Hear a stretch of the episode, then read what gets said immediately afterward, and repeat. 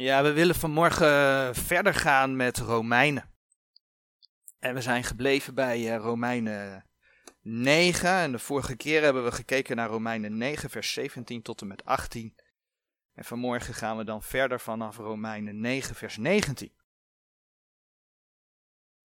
De versen 17 en 18. Die gaan over de farao van Egypte. En ze worden nog wel eens aangehaald hè, om te laten zien dat uh, de Calvinistische uitverkiezingsleer, ja, om die te bewijzen, zeg maar. Want ja, de Heere God heeft Farao verwekt om door hem zijn kracht te bewijzen en zijn naam op de hele aarde te laten verkondigen. Want dat staat in die versen. Dat is toch zo? En ja, dat staat er, dat is waar. Maar dat betekent niet dat de farao van Egypte geen vrije wil had. Door naar de geschiedenis van de uittocht te kijken, zagen we een mooie illustratie hoe de Heere handelde met voorkennis. de Heer God die staat ja, boven de geschiedenis. En um, ja, hij handelt door voorkennis, maar daarin zien we dat hij wel degelijk mensen de kans geeft om een eigen ja, keuze te maken. Eigen keuzes te maken. En zo gebeurde dat ook met de farao van Egypte. De farao hebben we gezien, als je Exodus gaat lezen, die verwierp eerst zelf de Heere. De Heere God en pas daarna ging de Heere farao's hart verharden. En zo zagen we aan de hand van 2 Thessalonicense 2 dat de Heer ook in de eindtijd een kracht der dwaling stuurt, zodat mensen de leugen geloven, waardoor mensen veroordeeld worden, maar dat hij dat niet doet totdat mensen zelf eerst de liefde der waarheid verworpen hebben. Met andere woorden, de Heere God geeft mensen een kans om Hem te leren kennen. En zo maakt de Heere in, in, in zijn woord duidelijk dat hij niet om de wil van de mens heen gaat. En ieder mens heeft dus die vrije wil om de Heere aan te nemen of niet. En dan willen we vanmorgen lezen van uh, Romeinen 9, vers 19 tot en met 24. Want daar vinden we ook weer versen die heel vaak gebruikt worden om te zeggen, zie je dat, mens heeft geen eigen wil. God beslist, God beslist ja, of, of, of jij zijn kind bent of niet. Nou, ook vanmorgen zullen we zien dat God niet buiten de wil van de mens omgaat. Laten we eerst die versen in Romeinen 9 lezen, vanaf vers 19. Gij zult dan tot mij zeggen, wat klaagt hij dan nog? Want wie heeft zijn wil wederstaan? Maar toch, o mens, wie zijt gij die tegen God antwoordt? Zal ook het maaksel tot degene die het gemaakt heeft zeggen, waarom hebt gij mij al zo gemaakt? Of heeft de pottenbakker geen macht over het leem, om uit dezelfde klomp te maken het ene een vat ter ere en het andere ter onere? En of God willende zijn toren bewijzen en zijn macht bekendmaken, met veel langmoedigheid verdragen heeft de vaten des torens tot het verderf toebereid. En opdat hij zou bekendmaken de rijkdom zijn heerlijkheid over de vaten der barmhartigheid, die hij tevoren bereid heeft tot heerlijkheid, welke hij ook geroepen heeft, namelijk ons, niet alleen uit de Joden, maar ook uit de heidenen. Nou, in dit schriftgedeelte wordt het voorbeeld van de pottenbakker gebruikt. En dat voorbeeld bevestigt al heel gauw hè, de gevoelens. Ja, in die Calvinistische leer zie je wel, de Heere God bepaalt hoe een mens eruit komt te zien. Hij maakt je, hij breekt je. De ene vaas ziet er zo uit. En de andere vaas ziet er zus uit. Of andersom. Daar heb je gewoon geen invloed op. Het is allemaal naar het idee van de pottenbakker, denkt men. Denkt men. Want de vraag is of je het vormen van een vat of vaas door de pottenbakker moet zien als de geboorte van een mens. Onder het mom van ik ben nu eenmaal zo geboren. God heeft mij nu eenmaal zo gemaakt. Of als een proces dat bij wijze van spreken aangepast kan worden. En dan is dat dus iets wat door het leven heen kan gaan. Zou de pottenbakker bijvoorbeeld redenen kunnen hebben om het ontwerp van een vat of vaas aan te passen terwijl hij bezig is? Je hebt vast wel eens een pottenbakker aan het werk gezien. En als je een pottenbakker aan het werk ziet, dan zie je ook hoe maakbaar die klei is. Nou, we gaan in Gods woord zien dat in dit geval de klei ook een eigen wil heeft. Nou, in Romeinen 9, vers 21 hebben we gelezen, en ik lees het vers nog een keer. Of heeft de pottenbakker geen macht over het leem om uit dezelfde klomp te maken het ene vat ter ere en het andere vat ter onere? Nou, inderdaad is het natuurlijk de pottenbakker die met zijn handen de vorm bepaalt. Dat klopt. Dus als je dit zo leest, dan zou je allicht kunnen denken dat God heel autonoom beslist welk vat ter ere is en welk niet. En dan spreekt vers 22 zelfs over vaten des torens die tot het verderf toebereid zijn. Nou, laten we allereerst kijken naar die vaten ter ere en die vaten ter onere. Wanneer iemand zijn status, zijn positie niet zou kunnen veranderen, dan zou inderdaad de Heere God verantwoordelijk zijn voor het feit dat er vaten ter onere zijn. En ook voor de vaten des torens. Maar ook in dit geval geldt dat de Heere God niet zomaar vaten ten ter onere maakt. Alhoewel het hier niet in die directe context staat, blijken dus, ik noemde het net al even, de vaten ook een eigen wil te hebben. En daarvoor gaan we naar 2 Timotheus toe. 2 Timotheus 2, vers 20 en 21.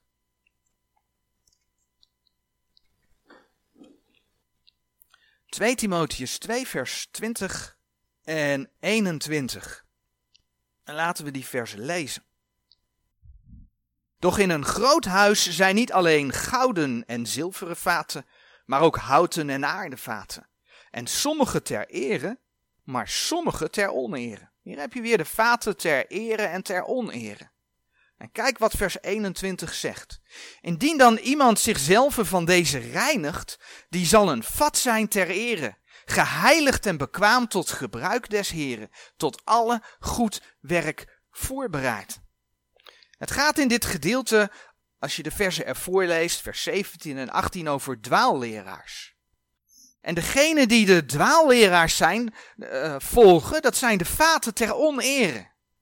En nu staat er geschreven dat als zij, iemand zich daarvan reinigt, dat hebben we in vers 21, ja, vers 21 gelezen, dat diegene een vat ter ere is en bekwaam tot gebruik des Heren tot alle goed werk toebereid.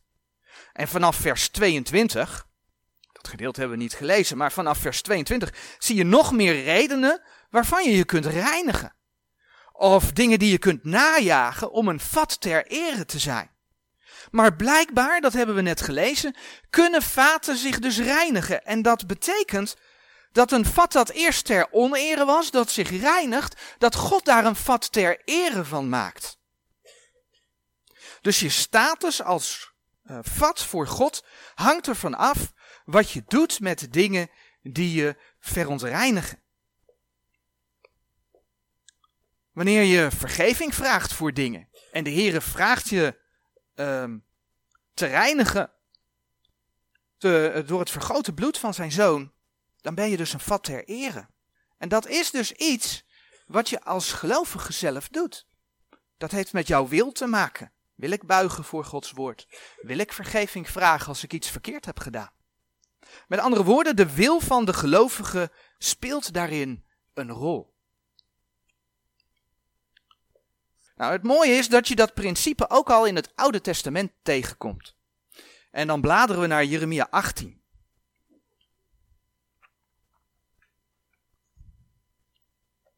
Jeremia 18, in vers 3 en 4, daar lezen we het volgende.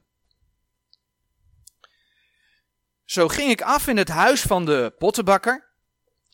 En zie, hij maakte een werk op de schijven. En het vat dat hij maakte werd verdorven als leem in de hand des pottenbakkers. Wil je opletten, dan staat er niet dat hij andere kleiklomp pakte. Nee, het vers gaat verder. Toen maakte hij daarvan weder een ander vat, gelijk als het recht was in de ogen des pottenbakkers te maken. Dit gedeelte wordt tegen Israël gesproken. Kijk maar in vers 6. En als je dan die versen leest, dan zie je dus hoe maakbaar die klei is voor de pottenbakker. Want als Israël tot bekering komt, hè, en die belofte heeft Israël in de Bijbel, dan is dat vat wat eerst tot verderf is, dan gaat God daarvan maken een ander vat. Blijkbaar een vat ter ere. Nou, aangezien 2 Timotheus 2 dit ook voor de gemeente bespreekt, is dat vandaag de dag voor de gemeente niet anders. Uit Jeremia 18, vers 7 en 8 blijkt dat de Heere van een vat dat eerst tot verderf is, door bekering, later een vat kan maken dat recht is in de ogen des Heren. Vers 7. In een ogenblik zal ik spreken over een volk en over een koninkrijk, dat ik het zal uitdrukken en afbreken en verdoen. Duidelijke taal. Maar dan komt vers 8.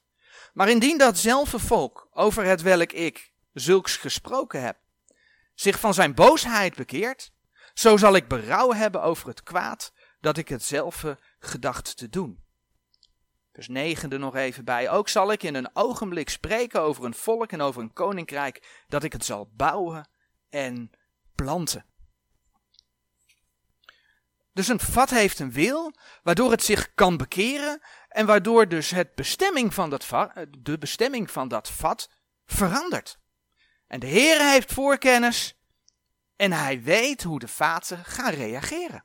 Daardoor heeft hij zijn woord tot in details gegeven. Nou, in Jeremia lezen we vervolgens ook nog dat God een vat kan nemen om het te breken. En dan bladeren we naar Jeremia 19. En dan lezen we in vers 1. Zo zegt de Heere, ga heen en koop een pottenbakkerskruik en neem tot u van de oudste des volks en van de oudste der priesters. En dan lezen we vers 10. Dan zult gij de kruik verbreken voor de ogen der mannen die met u gegaan zijn. En de reden hiervoor, die lees je in, in, vers 4 van Jeremia 19.